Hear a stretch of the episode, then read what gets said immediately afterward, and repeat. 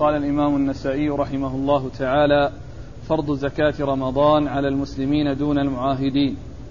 قال أخبرنا محمد بن سلمة والحارث بن مسكين قراءة عليه وأنا أسمع واللفظ له. عن ابن القاسم قال حدثني مالك عن نافع عن ابن عمر رضي الله عنهما أن رسول الله صلى الله عليه وآله وسلم فرض زكاة الفطر من رمضان على الناس صاعا من تمر أو صاعا من شعير على كل حر أو عبد ذكر أو أنثى من المسلمين. بسم الله الرحمن الرحيم.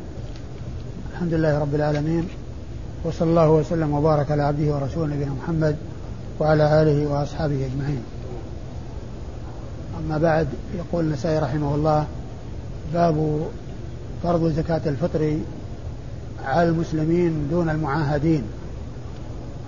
مراد النسائي بهذه الترجمة هو أن الإسلام شرط في وجوب الزكاة وأن من تجب عليه الزكاة أي زكاة الفطر لا بد أن يكون مسلما سواء كان حرا أو عبدا أو ذكرا أو أنثى أو صغيرا أو كبيرا.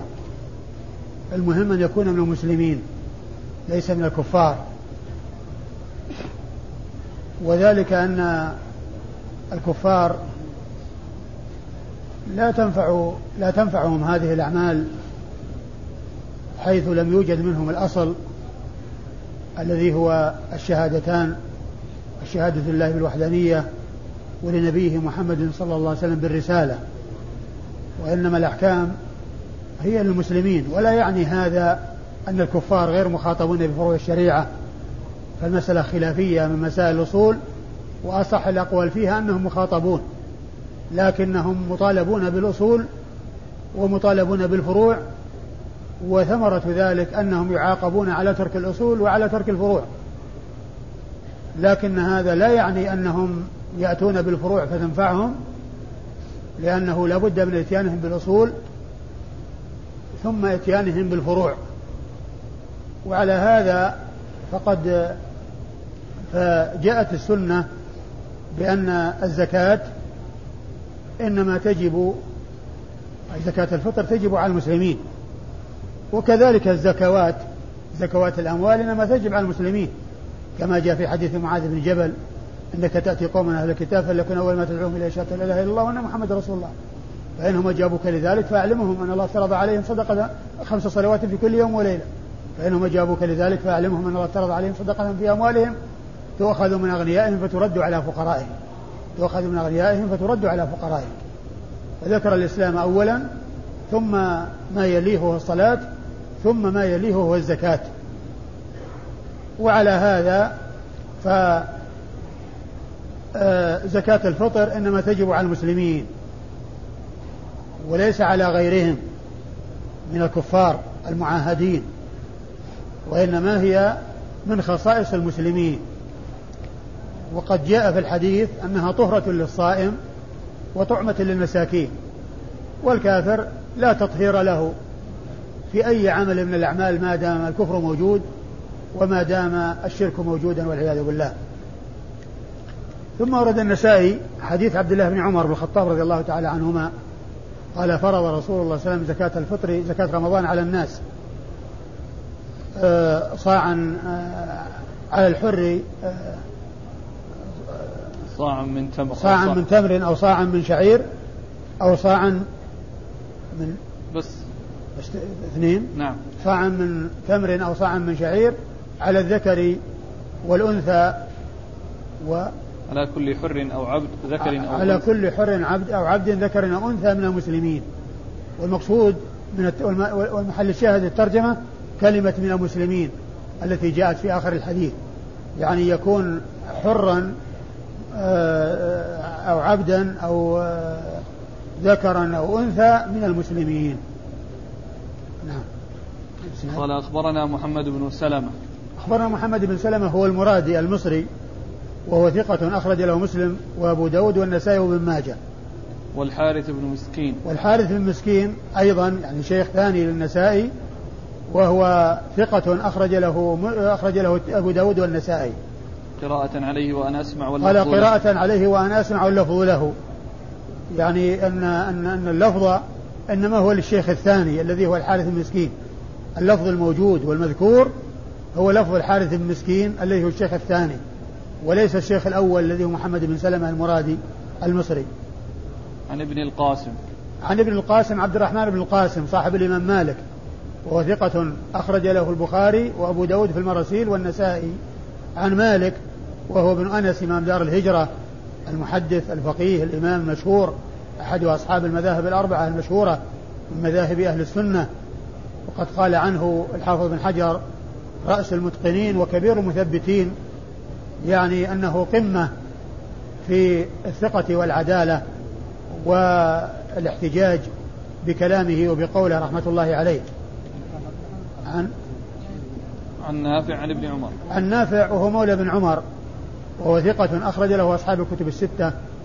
عن ابن عمر عبد الله بن عمر بن الخطاب رضي الله تعالى عنهما وهو أحد العبادلة الأربعة من أصحاب رسول الله صلى الله عليه وسلم وأحد السبعة المعروفين بكثرة الحديث عن النبي صلى الله عليه وسلم.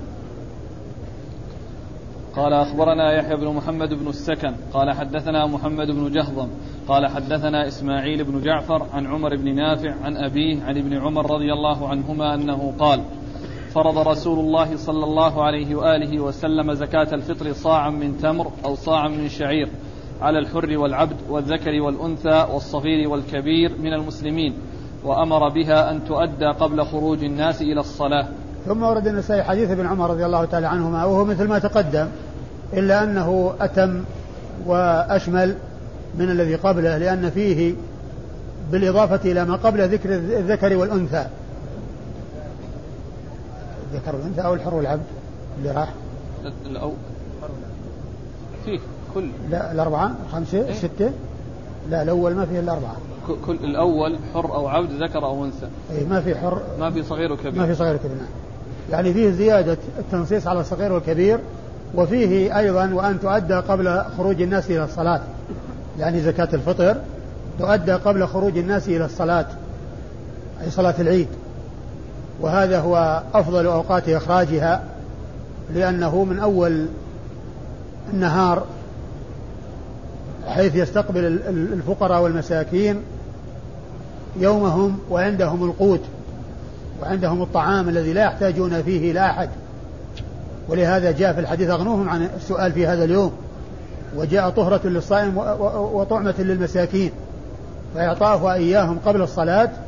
إعطاء إعطاءهم إياها في أول ذلك اليوم الذي هو يوم العيد الذي آه، أريد أن يستغنوا عن الحاجة إلى الناس وإلى الطعام بأن لا يحتاجوا إلى سؤال من أجل الحصول على الطعام بل أمر بإطعامهم هذه الزكاة الواجبة. و و و وقد جاء أن صلاة العيد أي عيد الفطر يشرع تأخيرها بعد دخول وقتها. وزكاة وصلاة الأضحى يشرع تعجيلها بعد دخول وقتها. وتأخير صلاة العيد يوم الفطر ليتسع للناس وقت إخراج الفطرة. وتعجيل صلاة الأضحى في أول وقتها ليتسع للناس وقت الذبح لأن الذبح يبدأ بعد بعد الصلاة.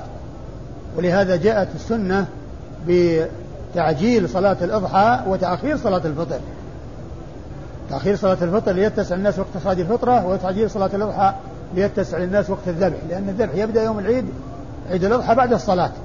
ولا يجوز الذبح قبل الصلاة كما جاء في حديث الرجل الذي ضحى قبل الصلاة وقال له النبي صلى الله عليه وسلم شاتك شات لحم. ويجوز إخراجها قبل العيد بيوم أو يومين كما كان الصحابة يفعلون ذلك. كان الصحابة يخرجونها قبل العيد بيوم أو يومين فيجوز ذلك ولكن أفضل أوقاتها يوم العيد قبل الصلاة. الحاصل الحديث دال على ما ترجم له النسائي من التنصيص على كلمة المسلمين وفيه يعني عن الذي قبله هذه الزيادة وهي بيان أن صلاة أن الزكاة تخرج يوم العيد قبل الصلاة وفيه أيضا زيادة الذكر والأنثى على الحر والعبد وفيه آه، آه، ذكر الذكر والأنثى زيادة على ما تقدم في الإسناد الذي قبله أو في الحديث الذي قبله وهو الحر والعبد والصغير والكبير. قال أخبرنا يحيى بن محمد بن السكن. أخبرنا يحيى بن محمد بن السكن وهو صدوق أخرج له البخاري وأبو داود والنسائي. عن محمد بن جهضم. عن محمد بن جهضم وهو صدوق أخرج له البخاري وأبو داود والنسائي وابن ماجه. أخرج له البخاري؟ ومسلم. البخاري ومسلم وأبو داود والنسائي؟ نعم. البخاري ومسلم وأبو داود والنسائي. زيادة على الذي قبله مسلم. عن إسماعيل بن جعفر. عن إسماعيل بن جعفر وهو ثقة أخرج له أصحاب الكتب الستة. عن عمر بن نافع. عن عمر بن نافع وهو ابن نافع آه، مولى ابن عمر. عمر بن نافع مولى ابن عمر. وهو ثقة أخرج له أصحاب الكتب الستة إلا الترمذي. نعم. أخرج له أصحاب الكتب الستة إلا الترمذي. عن نافع عن ابن عمر وقد مر ذكرهما. قال كم فرض؟ قال أخبرنا إسحاق بن إبراهيم. قال حدثنا عيسى. قال حدثنا عبيد الله عن نافع عن ابن عمر رضي الله عنهما. أنه قال فرض رسول الله صلى الله عليه وآله وسلم صدقة الفطر على الصغير والكبير والذكر والأنثى والحر والعبد صاعا من تمر أو صاعا من شعير. ثم ورد النسائي هذه الترجمة هي كم كم فرض؟ يعني كم فرض آه يعني آه زكاة الفطر؟ يعني مقدارها كميتها؟ هذا المقصود منه بيان المقدار الذي هو الصاع لأن الحديث جاء بذكر الصاع. والمقصود من الترجمة بيان المقدار. هذا هو الذي ترجم له. لأنه يعني هناك أو ما تقدم ذكر الذين تجب عليهم زكاة الفطر يعني كونهم الحر والعبد والذكر والأنثى والصغير والكبير والمسلم وأن يكونوا مسلمين ثم ذكر مقدار الزكاة وأنها صاع. وقد أورد حديث ابن عمر نعم. وقد أورد حديث ابن عمر من طريقة أخرى وفيه ما في الذي قبله من فرضها على الذكر والأنثى والحر والعبد والصغير والكبير وأنها صاعا من تمر أو صاعا من شعير. والمقصود هو الصاع ذكر الصاع. المقدار يعني المقدار الذي فرض. المقدار الذي فرض آه كم فرض. والسنة جاءت بإخراجها طعاما وأن يكون صاعا. وإن كانت تلك الأشياء يعني متفاوتة إلا أنه وحد المقدار بين التمر والشعير وبين ما ذكر من غيره وأنها صاع. وعلى هذا فزكاة الفطر صاع من الطعام من قوت البلد من أي طعام يقتاته الناس. و وأن لا تكون قيمة ولا نقود لأن النبي صلى الله عليه وسلم ما بين المقدار أو ما أشار إلى المقدار مع أن النقود كانت موجودة. فلم يقل عليه الصلاة والسلام صاعا من تمر أو صاعا من كذا أو عشرة دراهم أو عشرين درهما ما قال هذا. وإنما كل الكلام يدور حول الطعام. والمقصود من ذلك أن النقود قد تكون موجودة. ويكون الطعام موجود ولكنه بقلة فيشح الناس فيه. فلا يخرجونه إذا كان هناك سبيل لإخراج القيمة. فجاءت الشريعة بالنص على الطعام لأن الناس بحاجة إلى أن يأكلوا في ذلك اليوم فيعطون شيء يعطون شيئا يأكلونه. لا يكون في وقت من الأوقات يكون الطعام يعني قليلا والنقود كثيرة فإذا أعطي الناس نقودا ولم يحصلوا طعاما يشترونه ما يكون في النقود فائدة. وجاءت القضية طعام وعلى هذا فلم تأتي السنة بذكر القيمة ولا بالنقود وإنما جاءت بالطعام فالواجب هو إخراجها طعاما وأن تكون صاعا من قوت البلد الذي يقتاته الناس نعم قال أخبرنا إسحاق بن إبراهيم. أخبرنا إسحاق بن إبراهيم هو بن مخلد بن راهوية الحنظلي المروزي ثقة ثبت وصف بأنه أمير المؤمنين في الحديث وهو محدث فقيه وحديثه أخرجه أصحاب الكتب الستة إلا ابن ماجه. عن عيسى. عن عيسى بن يونس بن أبي إسحاق السبيعي وهو ثقة أخرج حديثه أصحاب الكتب الستة. عن عبيد الله. عن عبيد الله عن؟ عن نافع. عن عبيد الله وهو ابن عمر. عبيد الله بن آه، ابن عمر بن حفص بن عاصم بن عمر بن الخطاب العمري المكبر وهو ثقة المصغر. العمري المصغر وليس عبد الله المكبر أخوه لأن المصغر ثقة والمكبر ضعيف. فهذا عبيد الله بن عمر العمري وهو ثقة أخرج له أصحاب الكتب الستة. عن نافع عن ابن عمر. عن نافع عن ابن عمر وقد مر ذكرهما. قال باب فرض صدقة الفطر. الطفل في وقت في بطن أمه من العلماء من قال إنه يخرج عنه. من العلماء من قال إنه يخرج عنه. ويعني الأمر في ذلك واسع. يعني من العلماء من قال إنه يخرج عنه وهو في بطن أمه.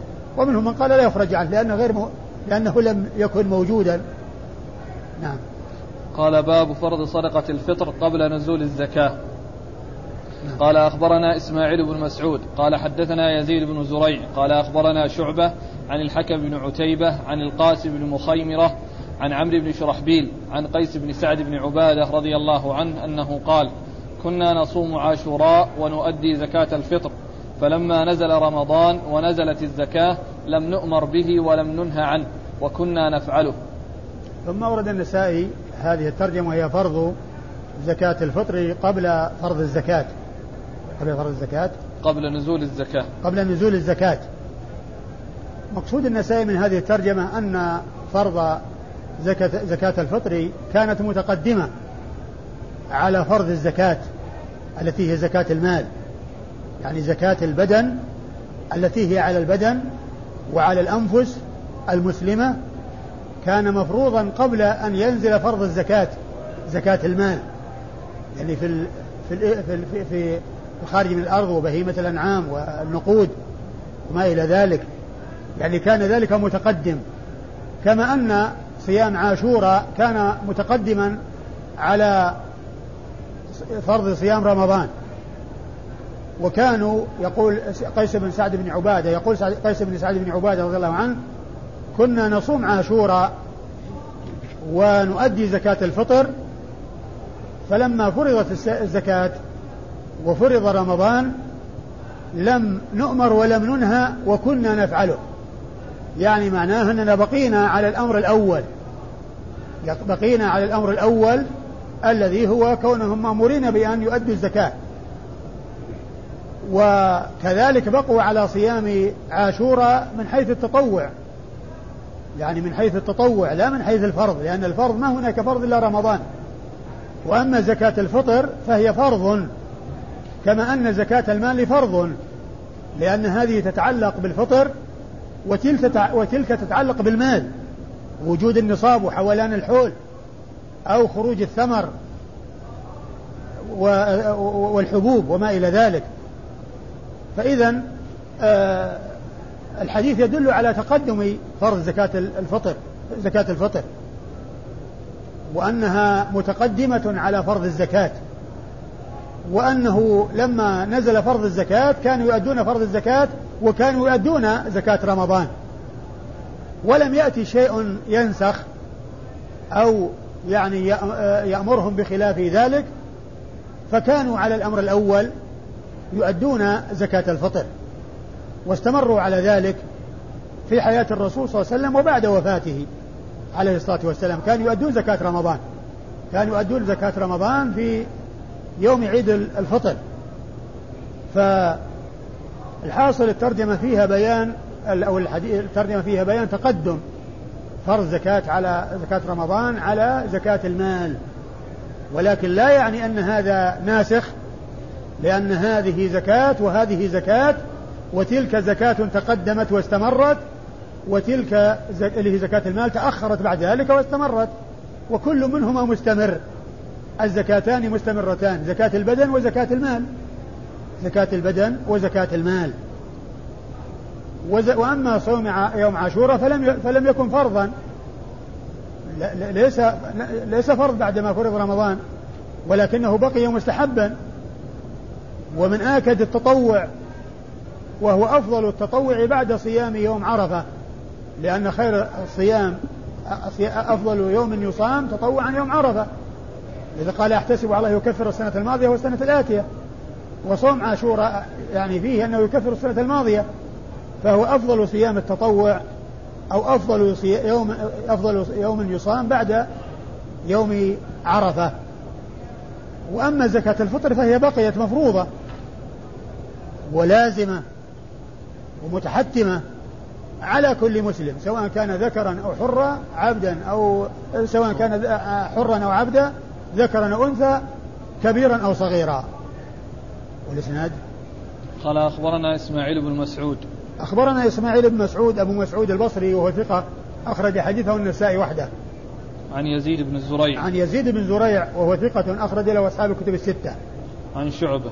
عن شعبة بن الحجاج الواسطي ثم البصري وهو ثقة أخرج له أصحاب الكتب الستة وهو ممن وصف بأنه أمير أمير المؤمنين في الحديث.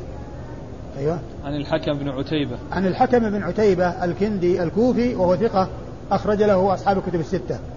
عن القاسم بن مخيمرة. عن القاسم بن مخيمرة وهو ثقة أخرج حديثه البخاري تعليقا ومسلم وأصحاب السنة الأربعة. عن عمرو بن شرحبيل. عن عمرو بن شرحبيل الهمداني وهو ثقة أخرج حديثه أصحاب الكتب الستة إلا من ماجه.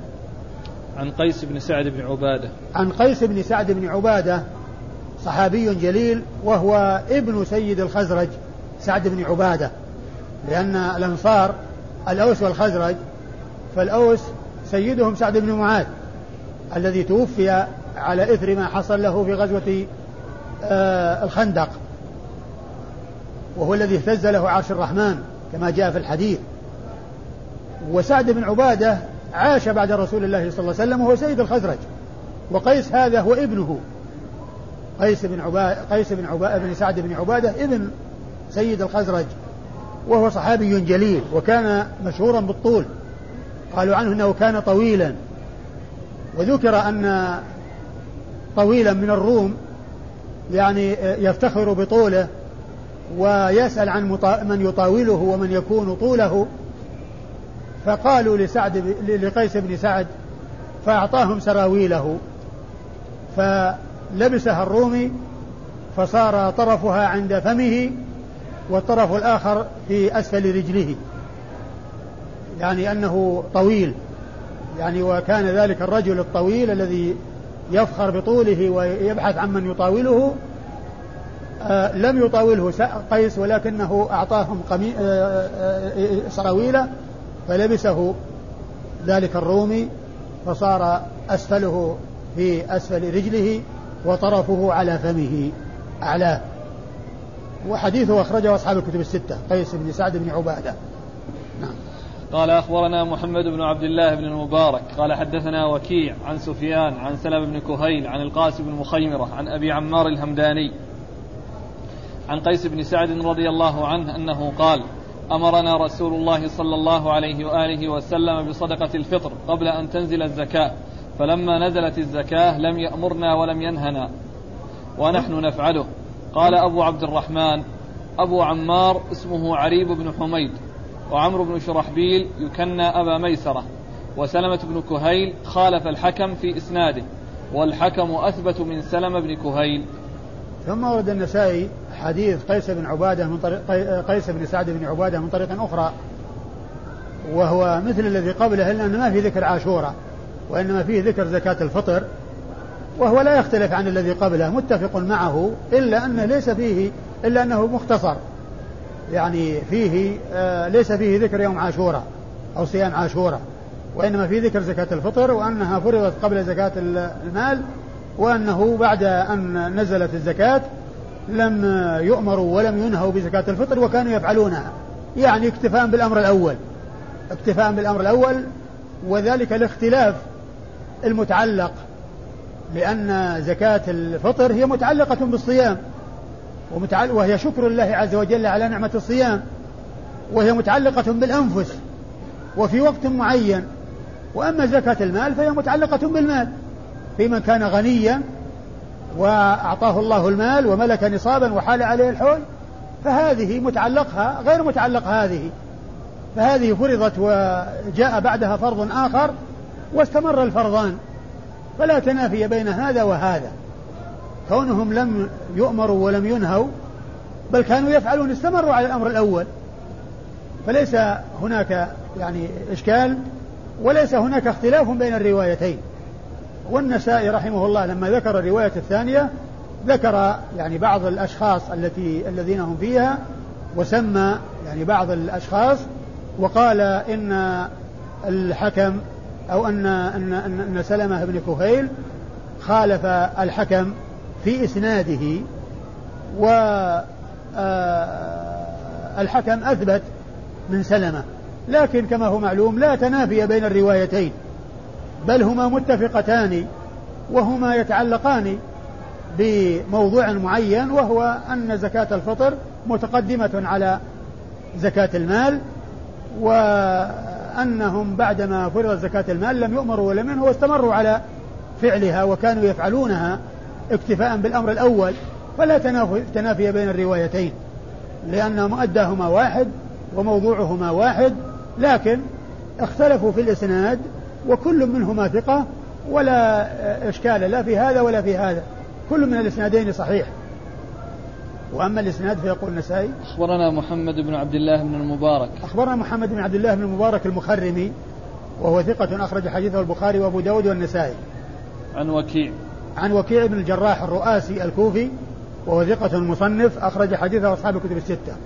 عن سفيان. عن سفيان وهو الثوري سفيان بن سعيد بن مسروق الثوري ثقة ثبت وصف بأنه أمير المؤمنين في الحديث وهو محدث فقيه وحديثه أخرجه أصحاب الكتب الستة وسفيان هنا غير منسوب وإذا جاء سفيان غير منسوب ويروي عنه وكيع فالمراد به الثوري لأن وكيعا معروف بكثرة الرواية عن سفيان الثوري وقليل الرواية عن سفيان بن عيينة ثم أيضا هما من بلد واحد لأن وكيع كوفي وسفيان كوفي ومن المعلوم أن الإنسان إذا كان مع شيخه في بلد فاتصاله به أكثر وأخذه عنه أكثر بخلاف سفيان بن عيينة فسفيان بن عيينة مكي. وفرق ومسافة بعيدة بين العراق وبين مكة وإنما كان لقاؤه إياه إما في حج أو عمرة أو في رحلة في طلب العلم. وأما من كان في بلده فإنه دائما على صلة به فتكون أو فيكون الأخذ عنه أكثر.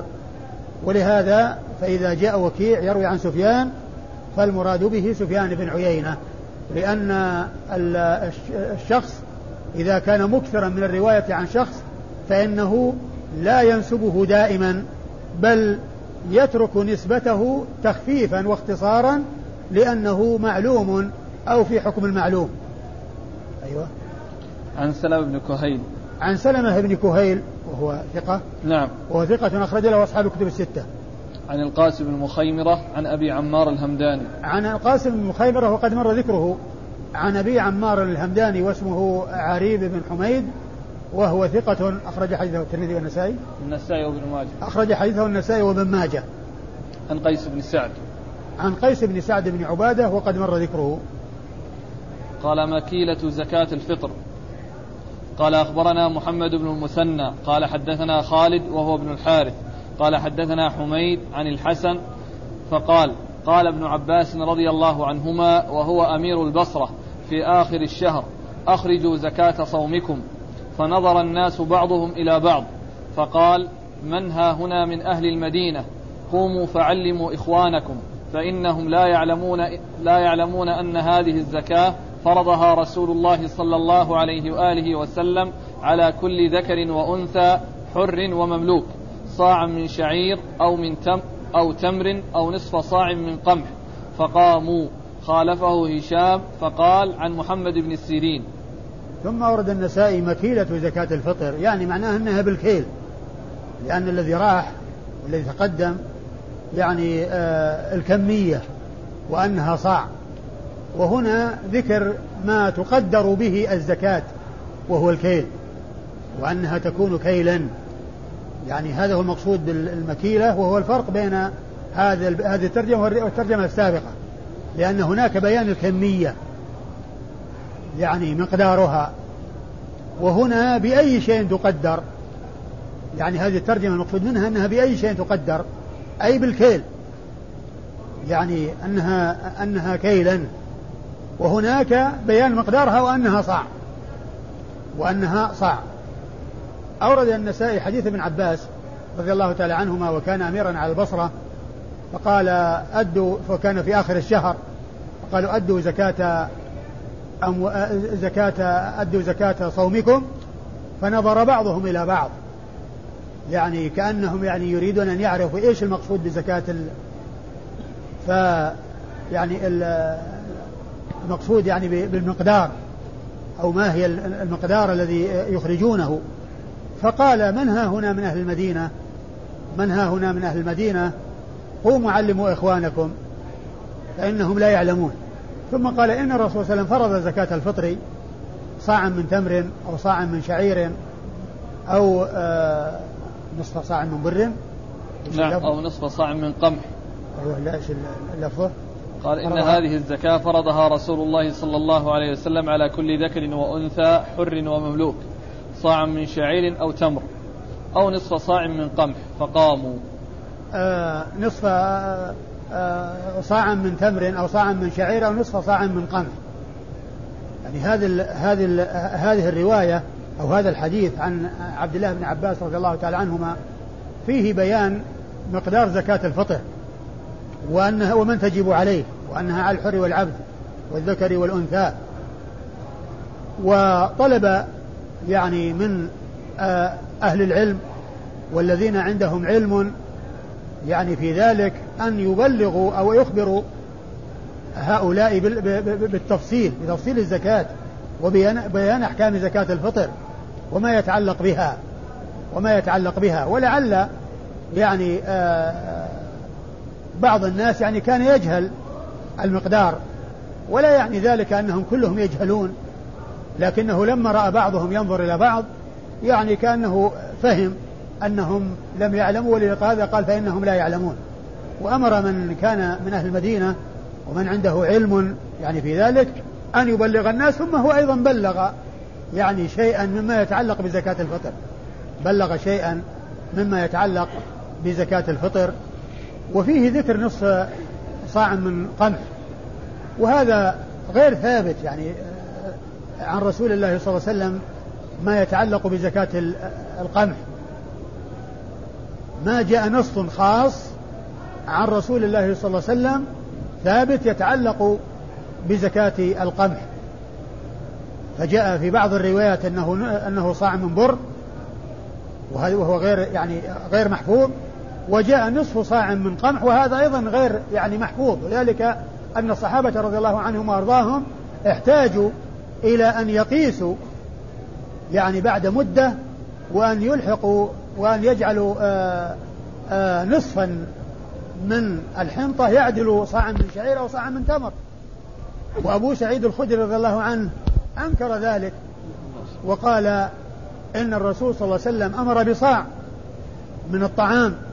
فهو يخرج كما كان يخرج في عهد رسول الله صلى الله عليه وسلم ولا ينقص عن الصاع. ولا ينقص عن الصاع من أي طعام كان. من أي طعام كان. و سيأتي في حديث أبي سعيد أن الرسول فرض زكاة الفطر صاعا من طعام أو صاعا من تمر أو صاعا من شعير أو صاع من زبيب أو صاع من أقط خمسة أشياء. وفسر بعض العلماء أن الصاع من الطعام المقصود به البر. لكن جاء عن أبي سعيد الخدري نفسه في صحيح البخاري ما يدل على أن الرسول صلى الله عليه وسلم فرض الزكاة صاعا من طعام. ثم قال أبو سعيد وكان طعامنا يومئذ التمر والزبيب والشعير والأقط. يعني معناه أن الطعام أنه مجمل وأنه ليس المقصود به البر بعينه. ولكن المقصود هو القوت. أي قوت للبلد فإنه يخرج منه زكاة. والرسول صلى الله عليه وسلم قال صاعا من صاعا من طعام وكان طعامنا يومئذ كذا وكذا. فمعنى هذا أنه إذا كان الطعام شيء آخر أو توفر طعام آخر يحتاجه الناس فإن الزكاة تكون صاعا أيضا. ولهذا كان أبو سعيد يخرج صاعا من بر ويقول إنه يخرج كما كان يخرج على عهد رسول الله عليه الصلاة والسلام يعني صاع. لكن التنصيص من رسول الله صلى الله عليه وسلم على البر لم يثبت عنه. وبعض العلماء فسر الحديث الذي فيه صاع من طعام أو صاع من شعير أو كذا وكذا قالوا المقصود به الطعام. لكن نفس أبو سعيد روى كما في صحيح البخاري الحديث أمر أن نخرج زكاة الفطر صاعا من طعام ثم قال وكان طعامنا إذا ما بعد الطعام تفسير للطعام اللي هو التمر والشعير والأقط والزبيب. يعني هذا تفسير للطعام الذي هو طعامهم. قال أخبرنا محمد بن المثنى. أخبرنا محمد المثنى هو الملقب الزمن. أبو موسى العنزي البصري ثقة ثبت أخرج له أصحاب الكتب الستة بل هو شيخ لأصحاب الكتب الستة. روى عنه مباشرة وبدون واسطة.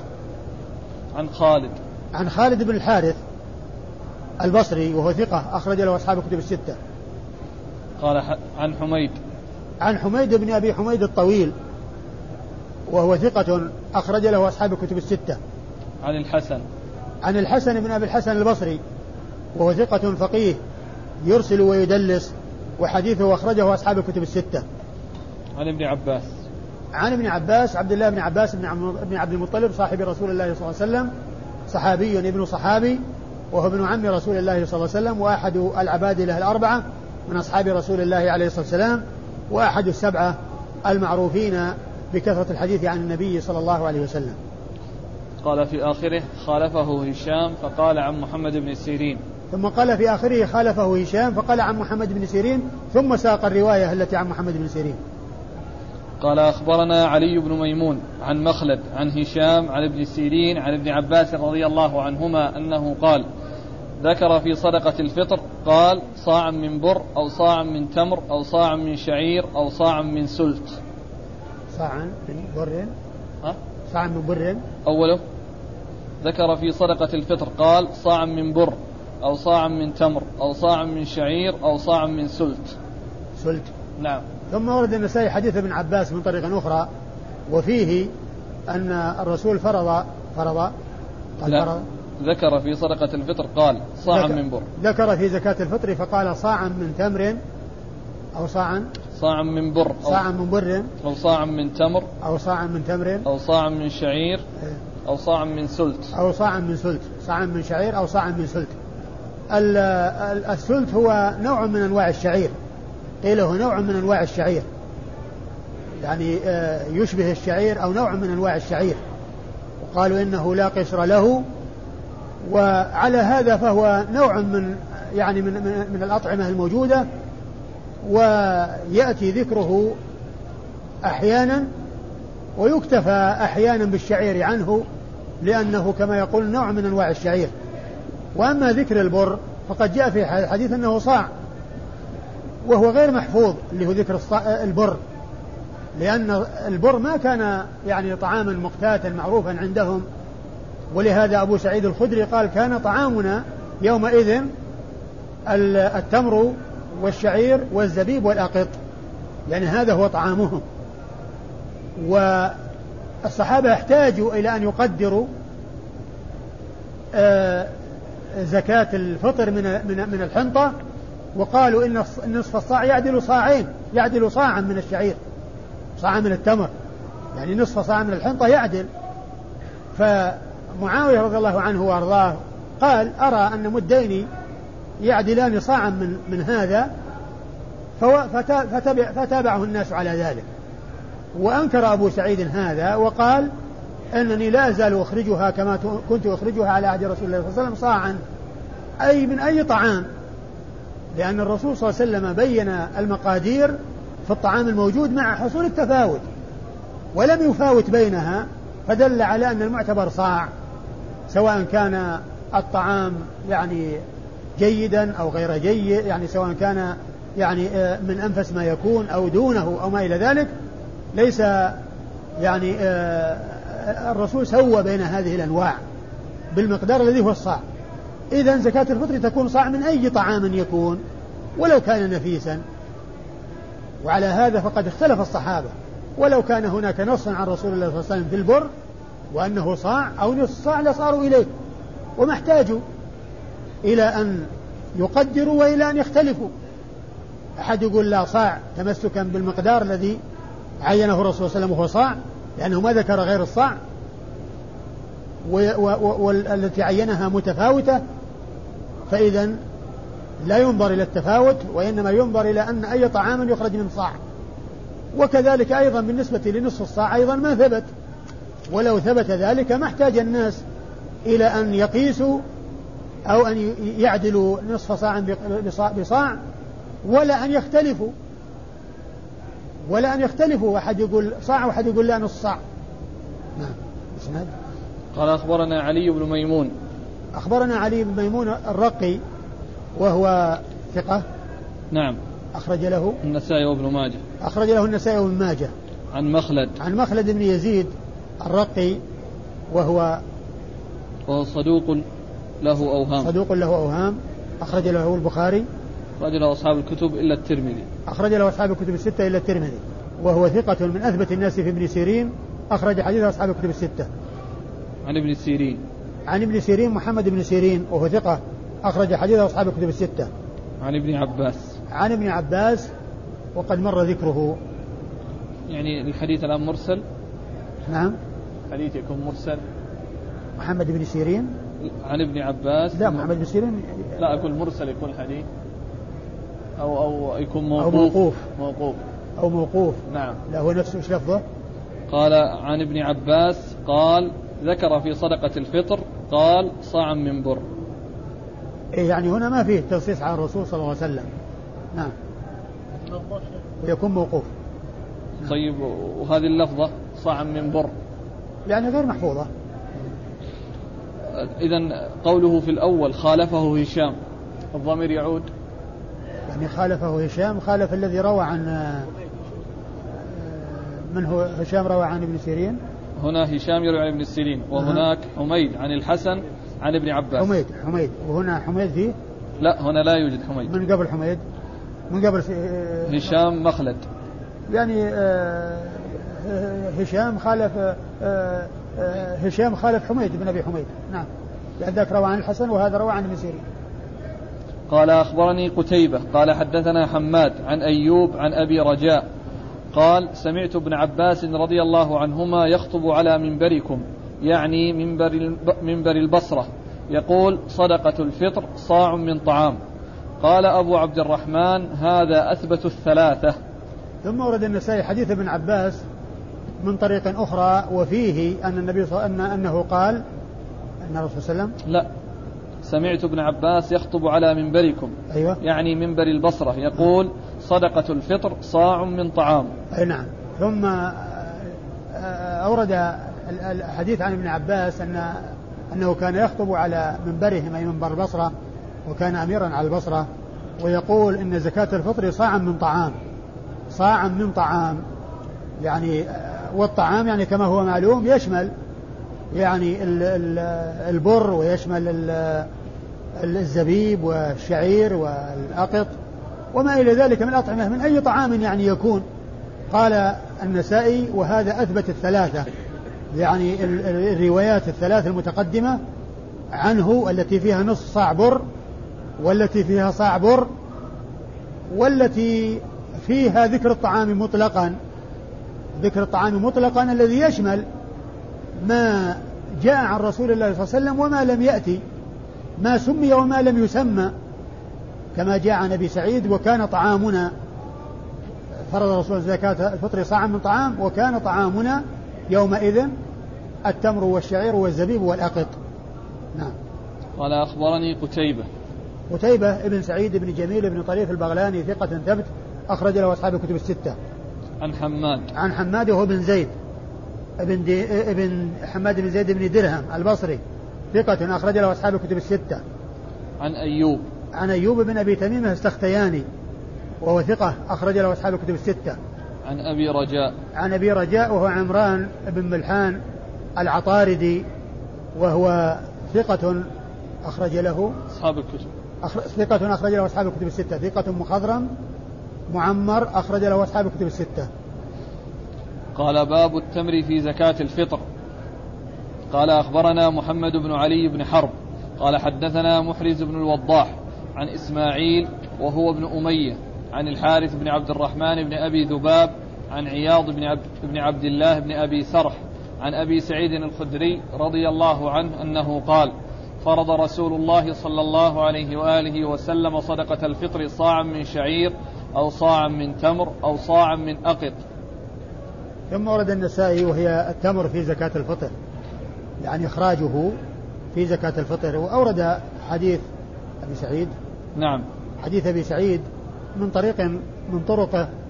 وفيها أن الرسول فرض زكاة الفطر صاعا من تمر أو صاعا من شعير أو صاعا زبيب أو صاعا من أقط.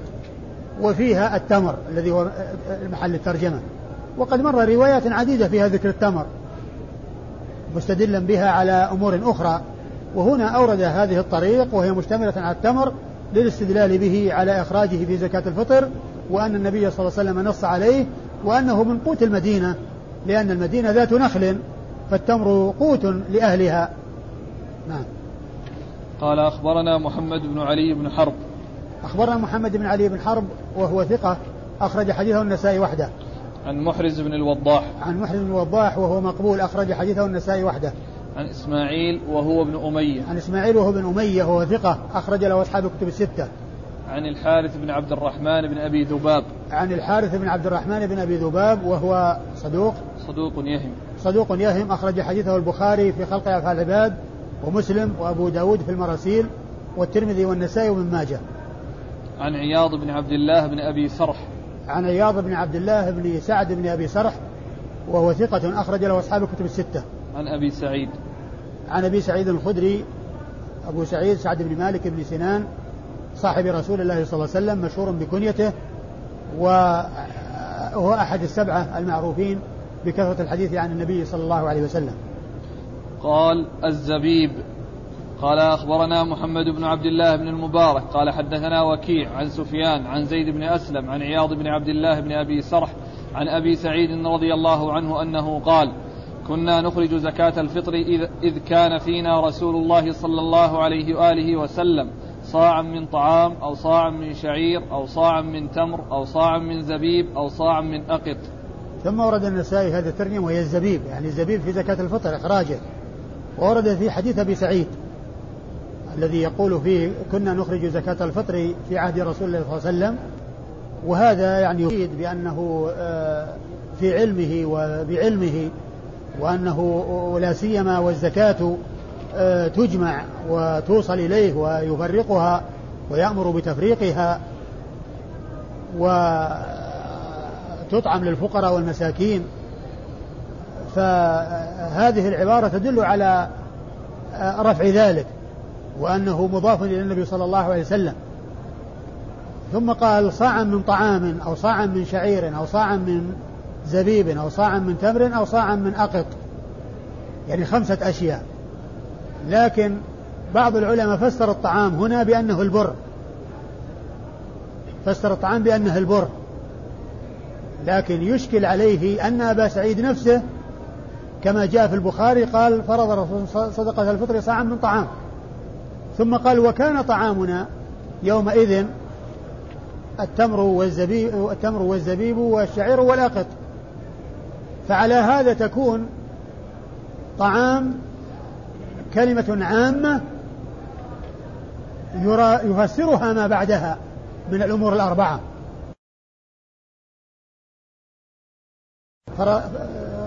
كنا نخرج زكاة الفطر صاعا من طعام وكان طعامنا يومئذ البر التمر والشعير والزبيب والأقط هذه الأربعة. وعلى هذا فتكون الطعام في زمنه خمس أربعة والطعام يشملها. وكذلك أيضا كل طعام يقتاته أهل البلد فإن الزكاة تخرج منه. وهو الذي جاء عن ابن عباس أن آه، زكاة الفطر صاع من طعام. يعني لفظ عام يشمل كل طعام يقتاته الناس. وعلى هذا فتكون صاعا من طعام لا يراد بها البر لأنه لو كان يراد بها البر لا ما احتاج الناس إلى أن يقيسوا وأن يختلفوا وأن يقول يعني آه، أحد تكون صاع وأحد يقول لا تكون الصاع. لو كان هناك نص عن رسول الله صلى الله عليه وسلم. وإذا فهذه الرواية فيها ذكر الطعام وما بعده كأنه تفسير له يوضح ذلك الحديث الذي في البخاري الذي أشرت إليه.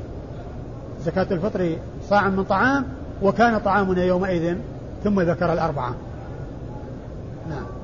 قال أخبرنا محمد بن عبد الله بن المبارك أخبرنا محمد بن عبد الله المبارك وقد مر ذكره. عن وكيع عن سفيان. عن وكيع عن سفيان الثوري وقد مر ذكرهم. عن زيد بن أسلم. عن زيد بن أسلم وهو ثقة أخرج له أصحاب كتب الستة. عن عياض بن عبد الله بن أبي سرح عن أبي سعيد. عن عياض بن عبد الله بن أبي سرح عن أبي سعيد وقد مر ذكرهما. قال أخبرنا هناد بن السري عن وكيع عن داود بن قيس عن عياض بن عبد الله عن أبي سعيد رضي الله عنه أنه قال كنا نخرج صدقة الفطر إذ كان فينا رسول الله صلى الله عليه وآله وسلم صاعا من طعام أو صاعا من تمر أو صاعا من شعير أو صاعا من أقط فلم نزل كذلك حتى قدم معاوية رضي الله عنه من الشام وكان فيما علم الناس أنه قال ما أرى مدين من سمراء الشام إلا تعدل صاعا من هذا. قال فأخذ الناس بذلك. ثم ورد النسائي حديث أبي سعيد من طريق أخرى وهي أنهم كانوا يخرجون زكاة الفطر صاعا من طعام وصاعا من تمر أو صاعا يعني ما في أقل. ما في زبيب. ما في زبيب. ما في زبيب يعني نعم. في الأربعة. نعم. ثم قال فلما قدم معاوية وجاء سمراء الشام وهي الحنطة الشامية فقال ما أرى مدين من هذا إلا يعدلان صاعا. مدين اللي هي نصف الصاع لأن الصاع أربعة أمداد الصاع أربعة أمداد يعني قال ما أرى مدين من هذا إلا يعدلان صاعا من من من, من هذا أي من تلك الأطعمة. فوافقه الناس يعني فكانوا يخرجون. لكن أبو سعيد رضي الله عنه التزم إخراج الصاع وقال إنه لا يخرج نصف صاع وإنما يخرج صاعا كما كان يخرجه في عهد رسول الله صلى الله عليه وسلم. لأن النبي عليه الصلاة والسلام ذكر الأطعمة المعروفة في وقته وكانت متفاوتة ومع ذلك سوى بينها بالمقدار وهو صاع. فكذلك إذا وجد طعام آخر نفيس فيكون منه صاع.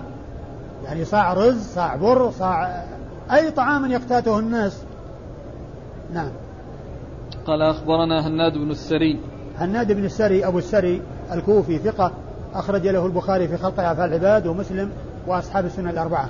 عن وكيع عن داود بن قيس. عن وكيع وقد مر ذكره عن داود بن قيس وهو وهو ثقة أخرج له البخاري تعليقا ومسلم وأصحاب السنة. وهو ثقة أخرج له البخاري تعليقا ومسلم وأصحاب السنة الأربعة.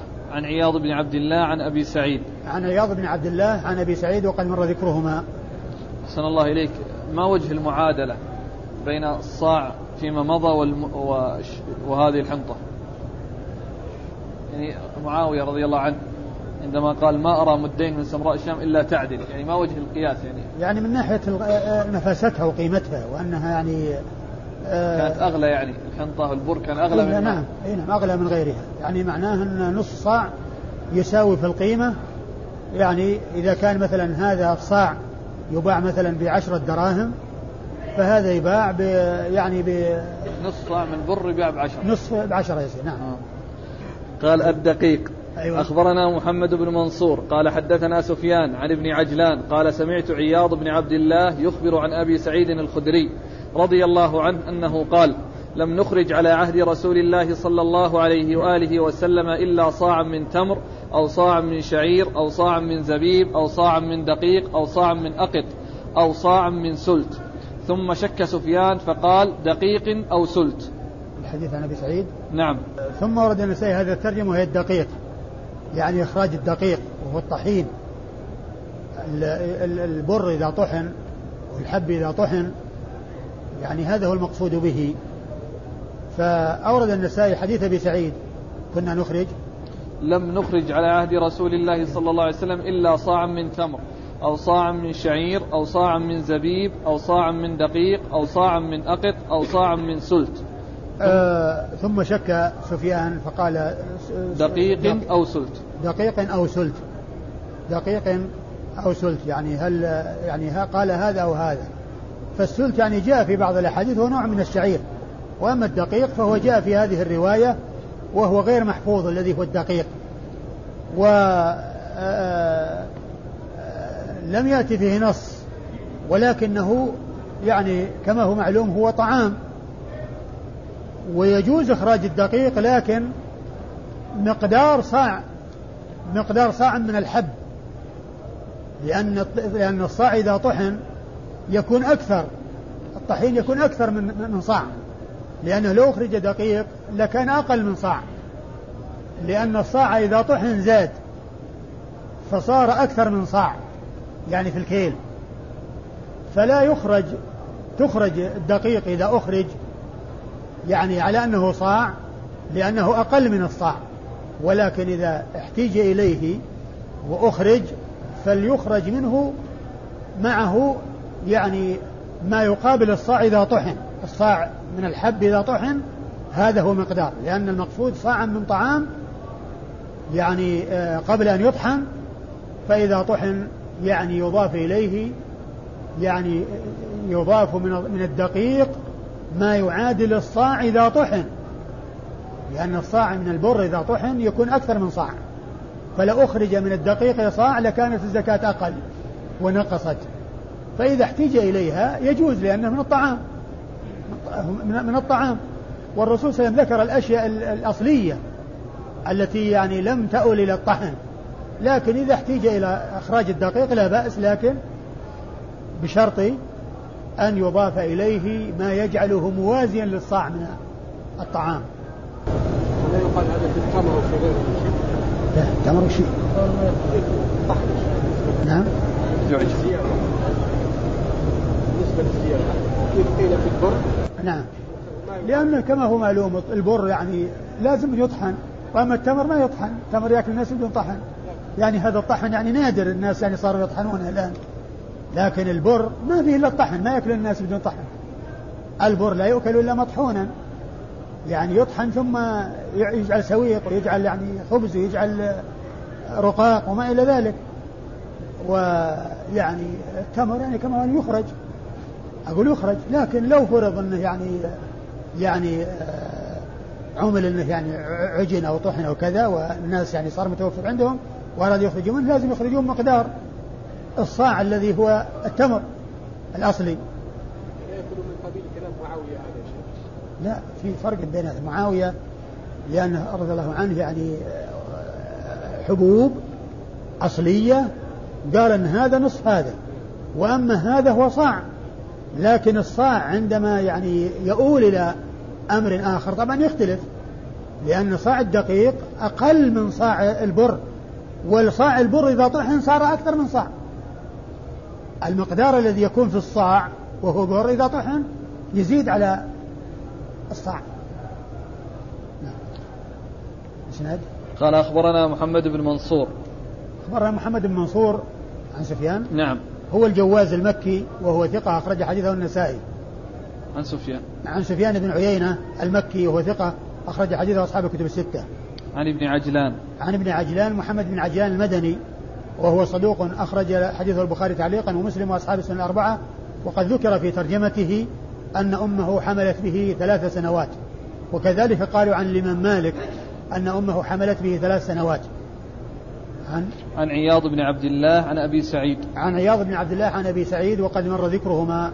والله أعلم وصلى الله وسلم وبارك على عبده ورسوله نبينا محمد وعلى آله وأصحابه أجمعين.